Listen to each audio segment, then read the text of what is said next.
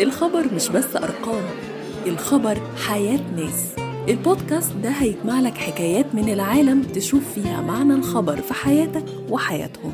الحكاية في دقائق مع مها الرئيس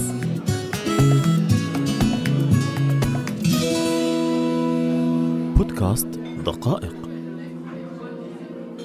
حالة جدل انتشرت في سوريا بعد إعلان وفاة وزير الخارجية السوري ونائب رئيس الوزراء وليد المعلم. يمكن لأنه واحد من أبرز وجوه النظام السوري ويمكن بسبب ولائه الكامل لنظام الأسد سواء الأب أو الابن. المعلم قضى أكتر من نص عمره في خدمة سوريا دبلوماسيا حتى في عز أزماتها وصراعاتها. أنصار النظام كانوا شايفينه رجل المهام الصعبة ومعارضينه كانوا بيتهموه بتشويه الثورة وقمع نشطائها. تعالوا نعرف حكايته مع رسم مشاهد السياسة السورية في دقائق.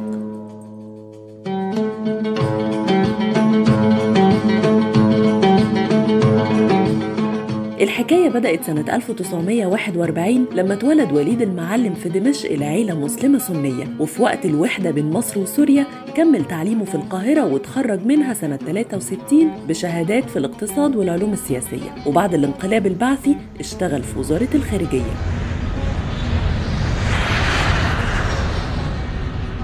شغله اداله فرصة يلف عواصم مختلفة حوالين العالم وزار أماكن زي تنزانيا والسعودية وإسبانيا وبريطانيا. وبعد الخبرة دي اترقى وبقى سفير سوريا في رومانيا سنة 75 بس بعد اللف ده رجع بلده سنة 80 لأنهم استدعوه يكون مدير عام لإدارة التوثيق والترجمة في وزارة الخارجية لحد سنة 90 وبالرغم من بعده الفترة عن سوريا إلا إنه ما قدرش يبعد عن أداء وظيفته في أصعب مراحل حكم حافظ الأسد.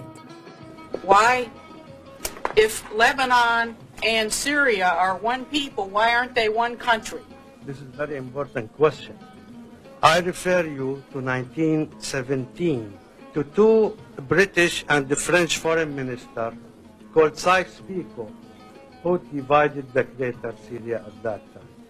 You need to ask them why. حافظ الأسد عين المعلم سفير لدمشق في الولايات المتحدة من سنة 90 ل 99 وساعتها كان جزء مهم من كل مراحل مفاوضات السلام السورية الإسرائيلية اللي تقريبا فشلت كلها. بس على الصعيد الشخصي ما نسيش نفسه. بما إنه كان قاعد في أمريكا جنب شغله كسفير أسس سلسلة مطاعم واستثمر في أكتر من مجال. ولما ابتدت الناس تحس إن حافظ الأسد في أواخر أيامه رجع المعلم من أمريكا علشان يكون مساعد لوزير الخارجية فاروق الشرع.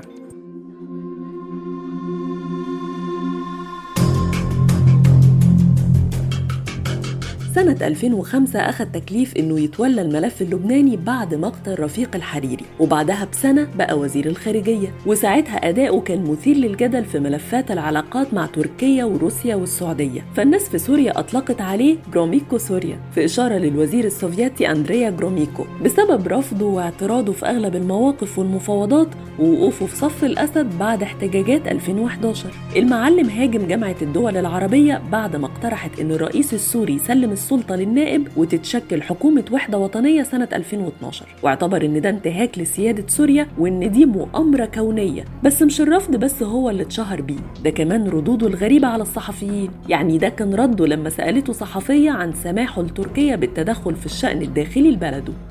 أنا بقول لك بجملة واحدة. القافلة السورية ستسير مهما عوت الكلاب. ردوده برضه كانت غريبة حتى لو سؤال الصحفي عن زميل ليه في نفس المهنة. مين بومبيو؟ رئيس وزراء رئيس الخارجية وزير خارجية لبنان. منيح اللي بتذكر أنا ما بعرفه.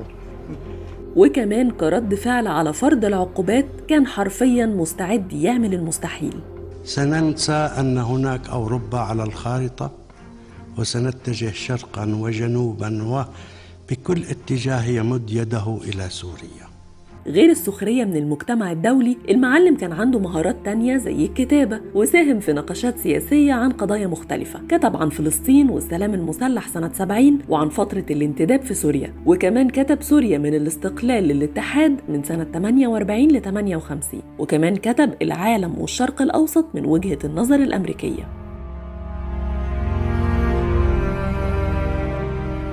بالرغم إن المعلم قضى سنين كتير في العمل السياسي السوري إلا إنه أثبت في مواقف كتير إنه مخلص لعيلة الأسد. حتى لو ده هيحطه في مواقف محرجة. كان دايما بيأكد إن الحكومة السورية مش هتقبل أي خطة سلام انتقالية تستثني الرئيس بشار الأسد منها.